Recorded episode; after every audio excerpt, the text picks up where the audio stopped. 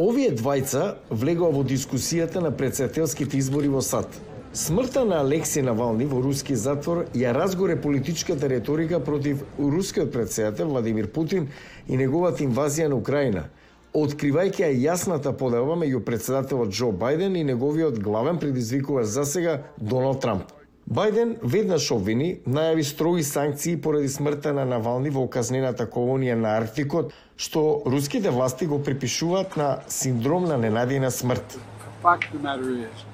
Факт е дека Путин е одговорен, без разлика дали наредил тој е одговорен за околностите. Ова е кој е тој. Тоа едноставно не може да се толерира. Реков дека ќе има цена што треба да се плати. Кремљ соопшти дека обвинувањето е неосновано и дрско, а властите во Москва не и дозволуваат пристап на мајката на Навални до неговото тело. Трамп и неговата републиканска партија зазедува поинаков став, при што Трамп рече дека нема да го подржи НАТО како што тоа го прави Бајден. Во неодамнешниот настап со Fox News се опиша како жртва на политички прогон, како Навални.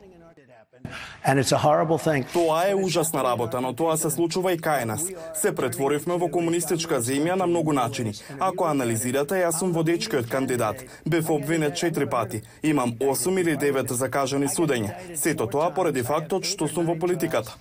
Трамп беше нејасен за тоа како ќе ја заврши руската војна против Украина, наместо тоа рече дека ако тој би бил председател на САД, Путин никогаш немаше да изврши инвазија. Републиканците прашуваат зошто треба да го финансираат конфликтот. Руските сили неодамна зазедоа клучен град за кој Белата куќа го посочува како доказ на украинските сили дека им е потребна итна помош. Некои републиканци се уверени дека ќе биде усвоен пакет помош од 95 милиарди долари. Најголем дел е за Украина. I think the slow response from Мислам дека бавниот одговор од Европа и САД и штети на Украина. Затоа не можеме да дозволиме ова да се случува. Мора да реагираме. Во меѓувреме, војната доби поширок контекст.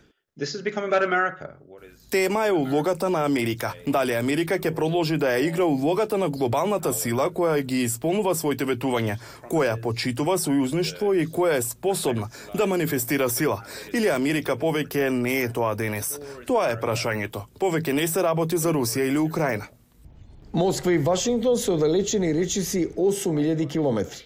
Но, како што сад го свртуваат фокусот на ноември, нивните судбини се повеќе испреплетени од било кога.